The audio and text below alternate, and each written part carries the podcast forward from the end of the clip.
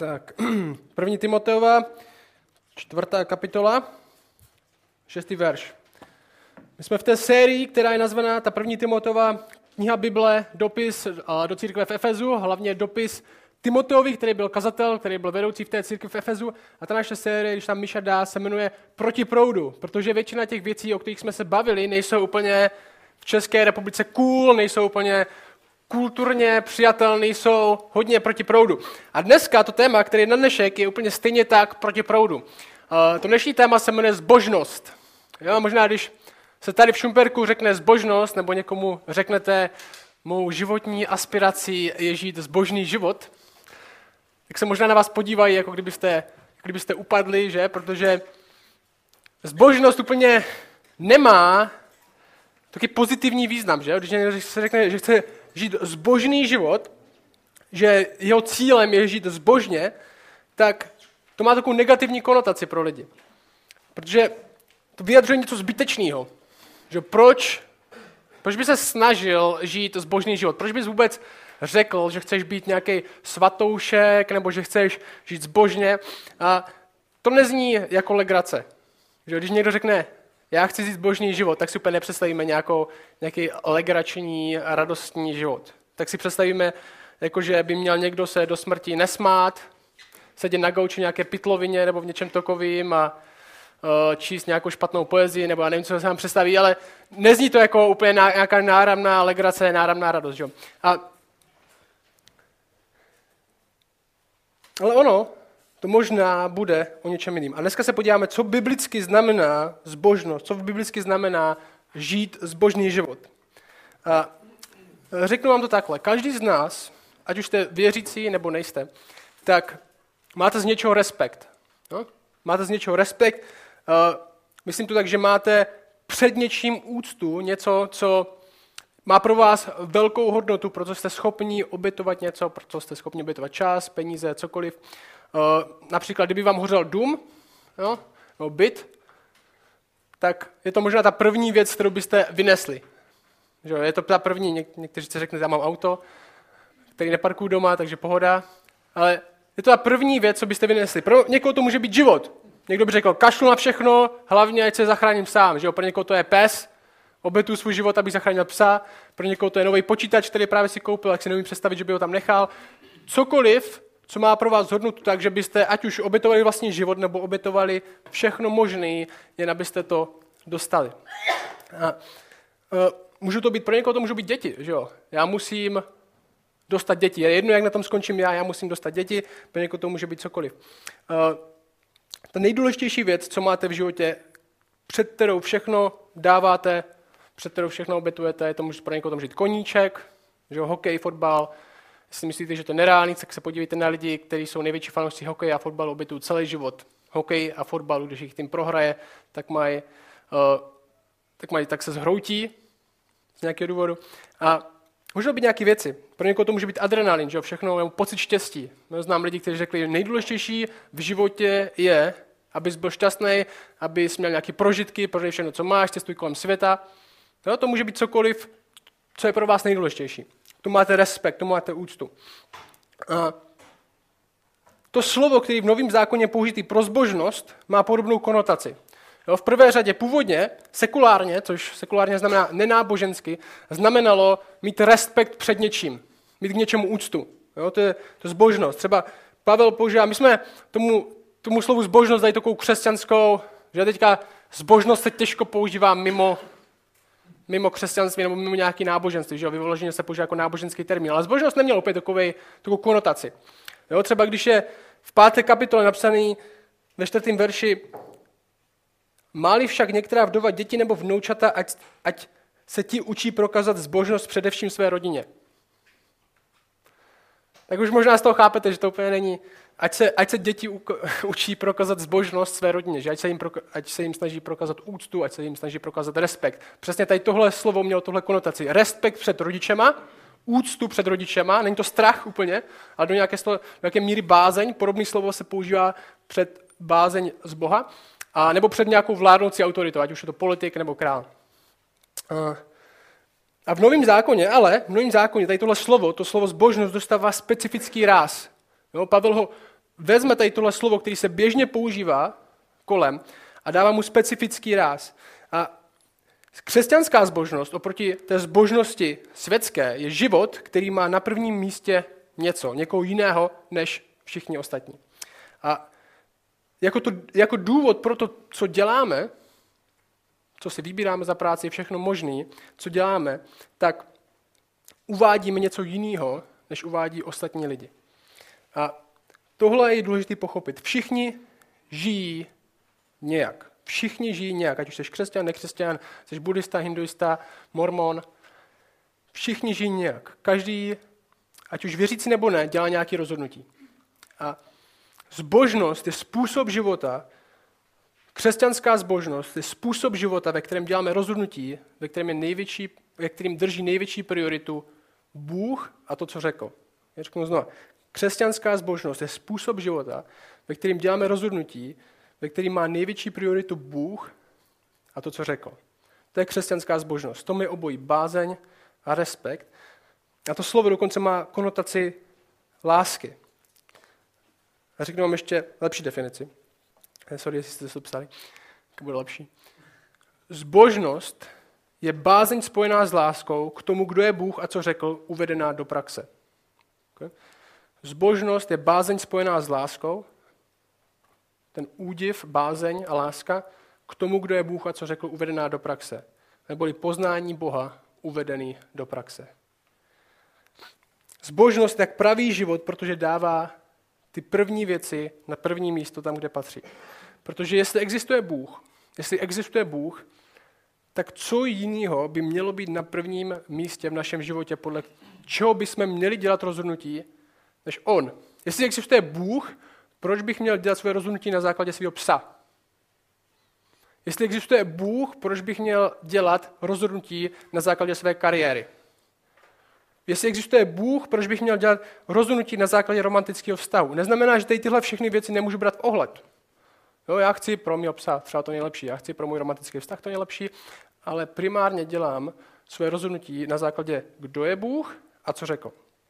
A teď, například Pavel, možná znáte v Římanu 12, Pavel napsal tady tuhle takový slavný, slavný úsek, on docela popisuje si, myslím, tu zbožnost. On říká v Římanu 12, vybízím vás tedy, bratři, skrze milosrdenství Boží, abyste vydali svá těla v oběť živou, svatou a příjemnou Bohu.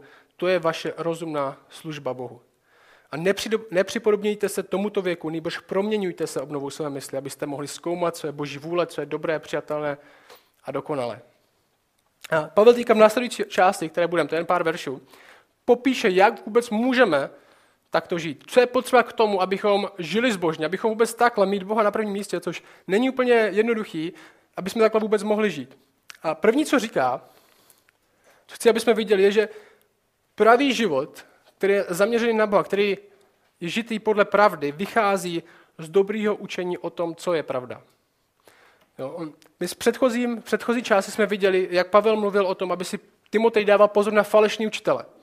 On říká, tyhle chcou přijít a chcou vás naučit žít jinak, než nás učí evangelium. Že oni přichází a říkají, hej, jestli chceš být křesťan, tak musíš se zdržovat manželství. Jestli chceš být křesťan, tak musíš jít z tohle a nesmíš jít z tohle.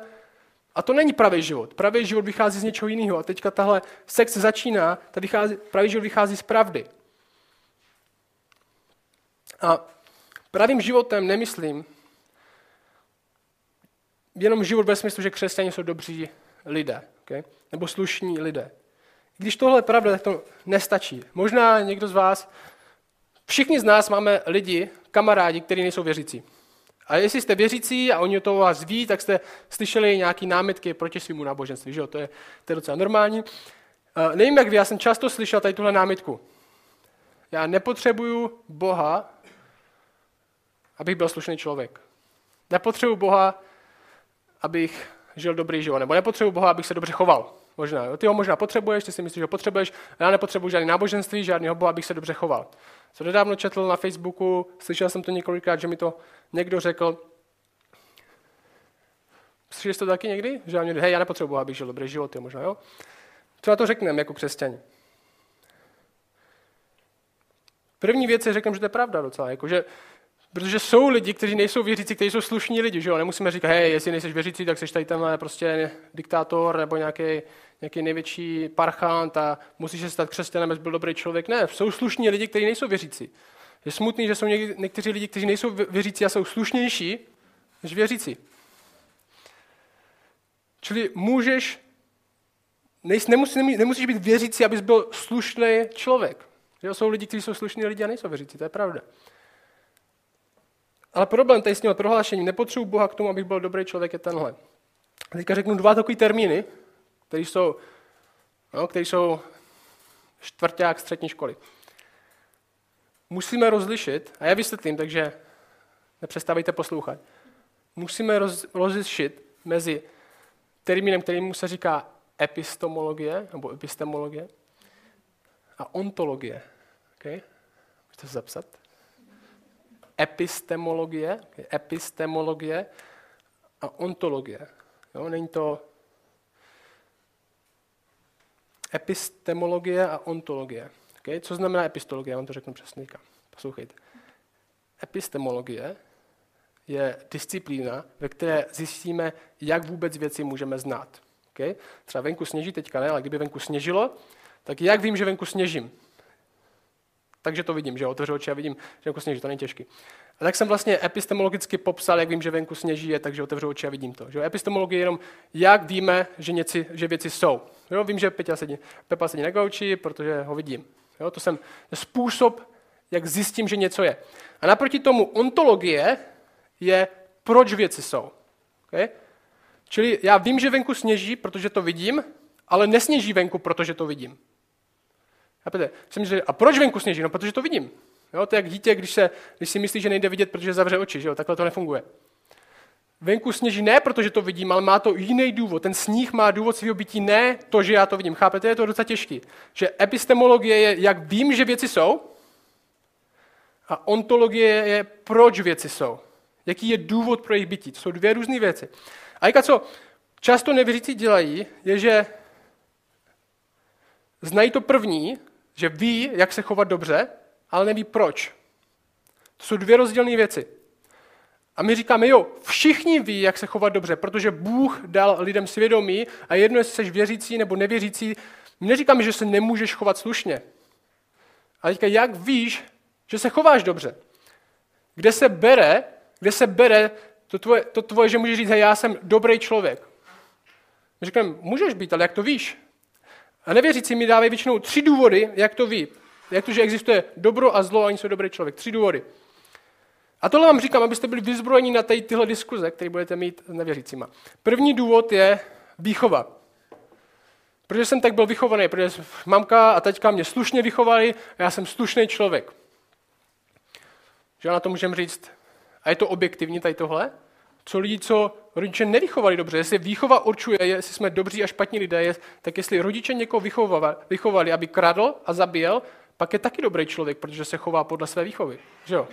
Řeknu, ne, to není dobrý, ho špatně vychovali.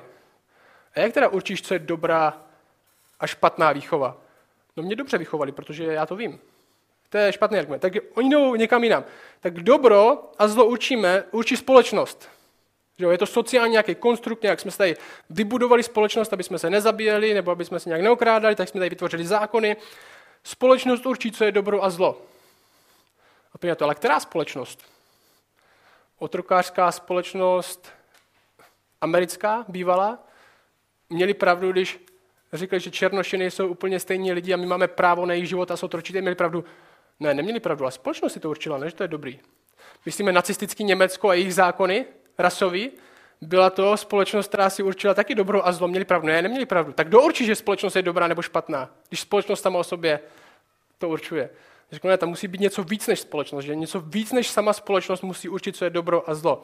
A poslední, kam lidi jdou, protože výchova nestačí, lidi jsou vychovaní jinak, společnost nestačí, Česko nebo ISIS nebo jaká společnost, společnost nestačí, aby určila dobro a zlo, tak jdou k evoluci. Poslední takový taková možnost, kam jít. Ale lidi, ne, evoluce nemá za cíl odhalit pravdu. Evoluce má za cíl přežití. Že jo? Evoluce nemá za cíl, aby jsme my všichni došli k tomu, co je pravda. Evoluce má za cíl, aby jsme přežili. Že evoluce neodhaluje, co je dobro a co zlo. Evoluce odhaluje, co je výhodný k přežití, nic jiného.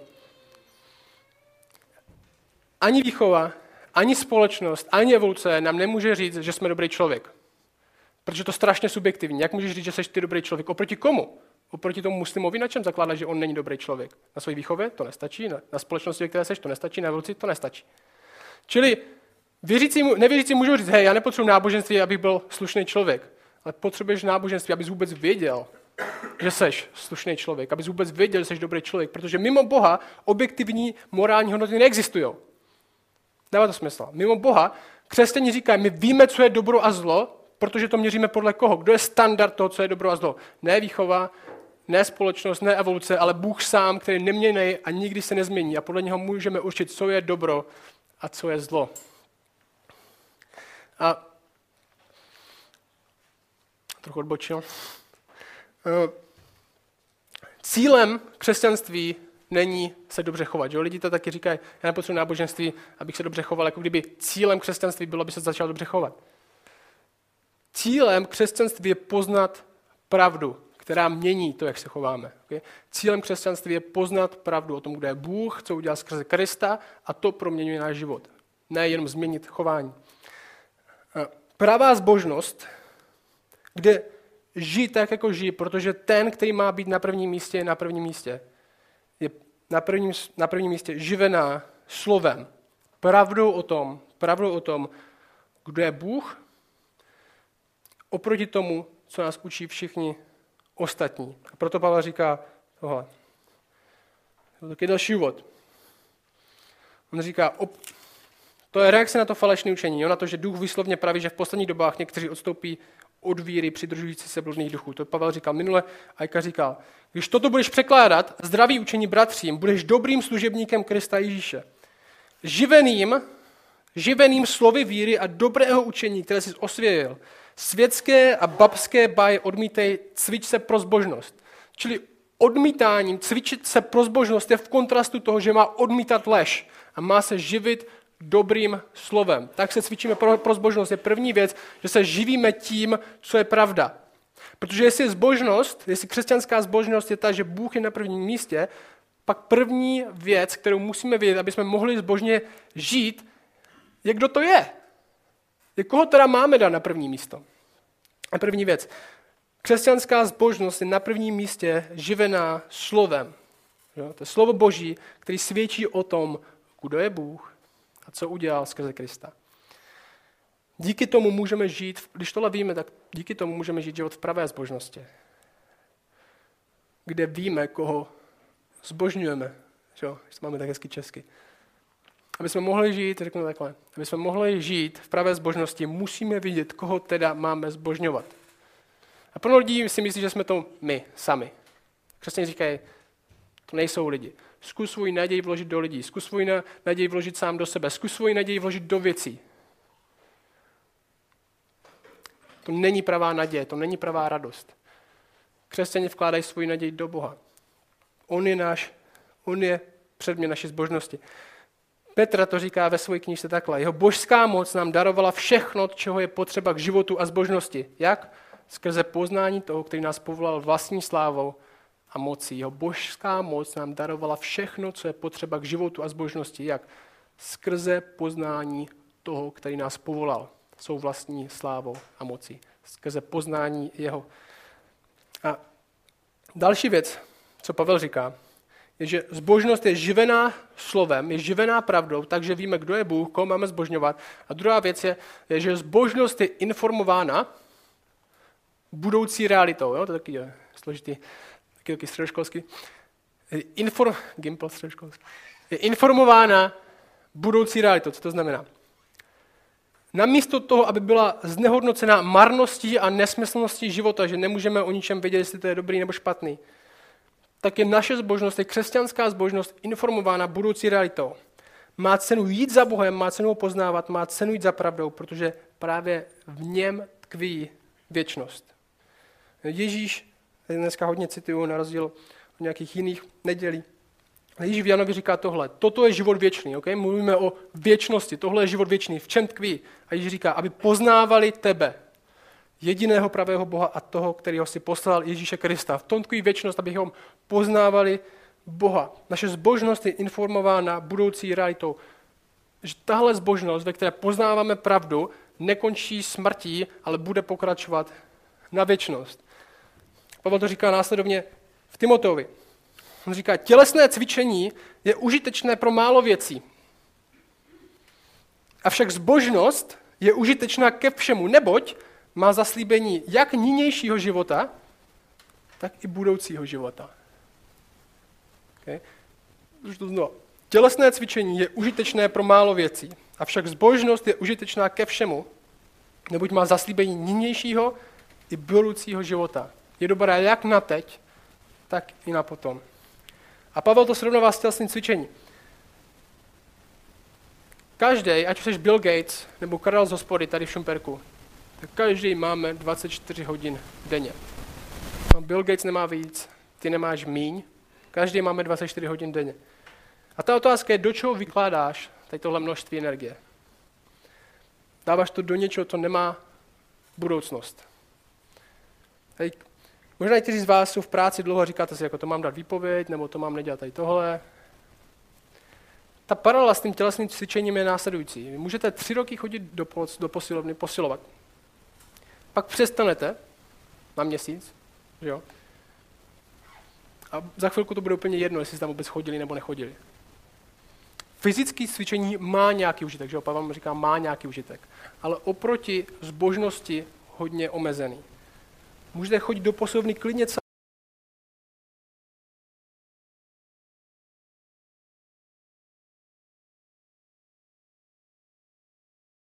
se tolik úsilí, co vykládáte do poslovny, do čehokoliv jiného, vy nakládají do budování své zbožnosti. Do poznání Boha. A jako to neříkám, přestaňte chodit do poslovny nebo tyhle věci. Tady je otázka, do jaké míry investujeme svou energii, svůj čas, svoje peníze, cokoliv, do věcí, které nemají žádnou budoucnost. Teďka neříkám, že investování do věcí, které nemají budoucnost, je absolutně špatný. Pavel říká, že to má nějaký užitek, že on říká, že to je absolutně špatný. My můžeme dělat věci, které nás baví, ze kterých máme radost, ale otázka je, do jaké míry oproti tomu, kolik investujeme do zbožnosti, investujeme do věcí, které nemají žádnou budoucnost. Teďka. Jak by to vypadalo ve vaší práci, kdybyste vynaložili všechno úsilí, abyste v práci žili zbožně? Jak by to vypadalo, kdybyste ve své práci, ve své škole, tam, kde jste teď, vynaložili všechno úsilí, to škola tak řekne, abyste žili zbožně. No, někoho z vás už napadly věci, které byste měli dělat. Teď není o tom, že skončíte s prací, ale že vynaložíte všechno úsilí a u někoho to nehůř. Jo? Když neříkám, že to je já, tak to bude pohoda, akorát se změní nějaké chování. Někoho to půjde hodně těžko, protože má jinou práci než někdo jiný. Někoho to půjde líp. Tak prostě, ale jak by to vypadalo? U každého možná jinak. Kdybyste vynaložili všechno úsilí, abyste ve své práci žili zbožně. Třeba trpěliví s kolegy. Abyste milovali nepřátelé, protože Bůh miluje vás. Jednali čestně, protože Bůh sám je spravedlivý a svatý. Že? Poznání Boha informuje naši zbožnost. To stojí úsilí, ne? To stojí úsilí být trpělivý s kolegy v práci. Ti z vás, kteří mají kolegy v práci, tak to ví. Kdo z vás by mi řekl, hej, v práci je pro mě absolutně jednoduchý být trpělivý, čestný a milovat lidi. Vy to můžete říct, protože tady bude pár zájemců o vaší práci. To stojí úsilí. Proto Pavel říká v desátým verši dole. Proto se namáháme a zápasíme. Neříká, proto popijeme margaritu na pláži, čteme si křesťanské knížky a život ve zbožnosti jde jako máslo. Ne, proto se namáháme a zápasíme. Proč? Protože život ve zbožnosti v téhle společnosti je proti proudu a plavat proti proudu není plavat z vodopádu, že jo? To nejde samo. Proto se namáháme a zápasíme, protože život, nej, život lidí, kteří žijou tady v Šumperku, tak nemají na prvním místě Boha. A my žijeme uprostřed nich. A máme žít uprostřed nich. Proto se nemáme a zápasíme. A možná otázka, kterou někteří z vás mají, kteří se víc zajímají teď těch teologických, teologických věcí, tak jak je to s tou božností? Dělá to Bůh nebo to děláme my? Jaká na to odpověď? Dělá to naše posvěcení, ten náš křesťanský růst Bůh, nebo to děláme my? Jaká na to odpověď? Ano. Na to odpověď? Dělá to Bůh, nebo to děláme my? Ano. To říkal odpověď? Dělá to Bůh, nebo, děláme, nebo to děláme my? Ano. Děláme to my a dělá to Bůh. Proto Pavel říká, proto se namáháme a zápasíme. Zbožnost není nějaká eterická věc, o které přemýšlíme a když, budeme, když přečteme do snížek, tak budeme zbožní lidi. Zbožnost je poznání Boha uvedené do praxe. Okay? Zbožná, poznání Boha uvedené do praxe. Zbožnost je živená slovem, informována budoucí realitou, tím, že život nekončí smrtí, tím, že budeme trávit věčnost poznání Boha, to, tím je naše zbožnost informována, proto to děláme. A třetí věc, když se máme živená slovem, informována budoucí realitou. A třetí věc je poháněna minulou skutečností. Okay? Živená slovem, informována budoucí realitou, poháněna minulou skutečností. To všechno děláme proč? Za stenondrium. Ja? Proč to děláme? Proto se namáháme a zápasíme. Proč? Protože máme naději v živém Bohu, který je zachráncem všech lidí, zvláště věřících. Proč tohle děláme? Proč se namáháme, namáháme a zápasíme? Proč se cvičíme pro zbožnost? Proč máme na prvním místě Boha? Protože Bůh zachraňuje. Protože my máme naději ne v sobě, ne ve věcech okolo, ne v penězích, ne v nejistých vztazích. My máme naději v živém Bohu. To je to, co pohání naši zbožnost. To je motor naší zbožnosti, je Bůh, který je zachránce všech lidí, zvlášť věřících. A někteří mají problém s tímhle veršem, jak může být Bůh zachránce všech lidí a zvlášť věřících. Slyšel vysvětlení, že Bůh je zachránce všech lidí v tom smyslu, že dává všem kyslík, že dává taky věci, jako jsou nemocnice a taky obecné věci a zvlášť věřícím dává věčný život. Já si úplně nemyslím, že tady tenhle verš je nějaký sofistikovaný, že by Pavel tam měl nějaký sofistikovaný věci tím veršem. Já si myslím, že to zkrátka znamená, že je zachránce všech lidí, protože žádný zachránce není jiný. Jo, je zachránce všech lidí, protože jiný zachránce není. Je pro všechny lidi zachránce, ale je zachráncem těch, kteří v něj vložili svůj víru. No, někdy, četl jsem studii, to slovo se používá takhle. Je zachráncem všech lidí jinými slovy. Věřící. Je zachránce všech lidí, protože pro nikoho není nikdo jiný zachráncem než on, ale zachráncem věřícím je reálně zachraňuje, protože oni do něj vložili svůj víru, v tom my věříme, že Bohu a s Bohem může člověk být jen tak, že vloží svůj důvěru v něj. Proč? Protože člověk, co nevloží svůj důvěru v něj, to neznamená, že nemá žádnou důvěru. A znamená to, že svůj důvěru vložil do někoho jiného, nebo něčeho jiného. Lidi, co nevloží svůj důvěru do Ježíše Krista a do toho, co pro nás udělal na kříži, se rozhodli vložit svůj důvěru v něco jiného. Ať už to jsme my, že to jsou ty věci, co jsme říkali na začátku, jsou oni sami, ať už to je štěstí, který pro nás v tomhle životě, ať už to ostatní lidi, řekli Bohu, pro mě je něco důležitějšího, před čím bych měl mít respekt, bázeň a co bych měl milovat, než ty.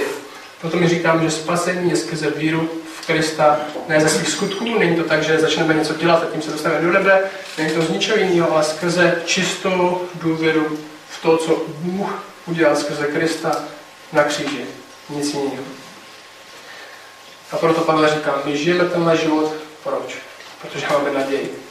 Ta naděje není v nás, ta naděje není ve věcech, ta naděje není v penězích, ale v živém Bohu, který je záchránce.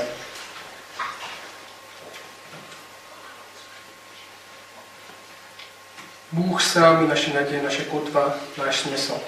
On se nezměnil největší nezachránce. Čili, tím to zakončím. Zbožnost, křesťanská zbožnost z tohle textu, jak to máme tady, je živená slovem, což znamená pravdou, víme, kde je Bůh. Je informovaná budoucí realitou, víme, kam jdeme a o čem vlastně život je, jak tady, tak na věčnost.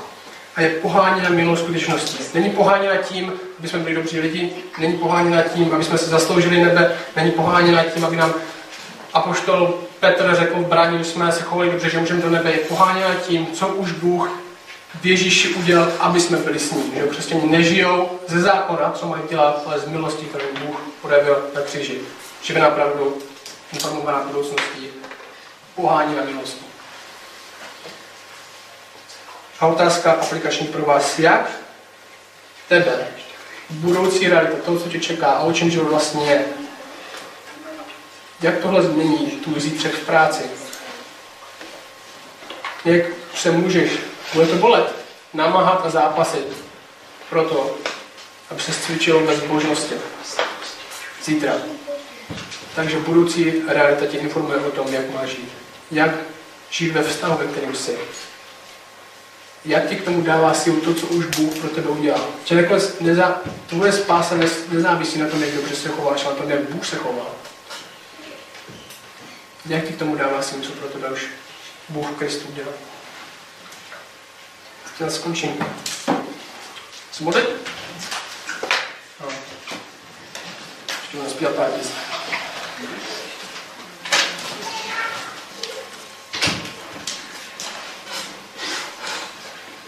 Či my chceme žít pro tebe jako křesťani.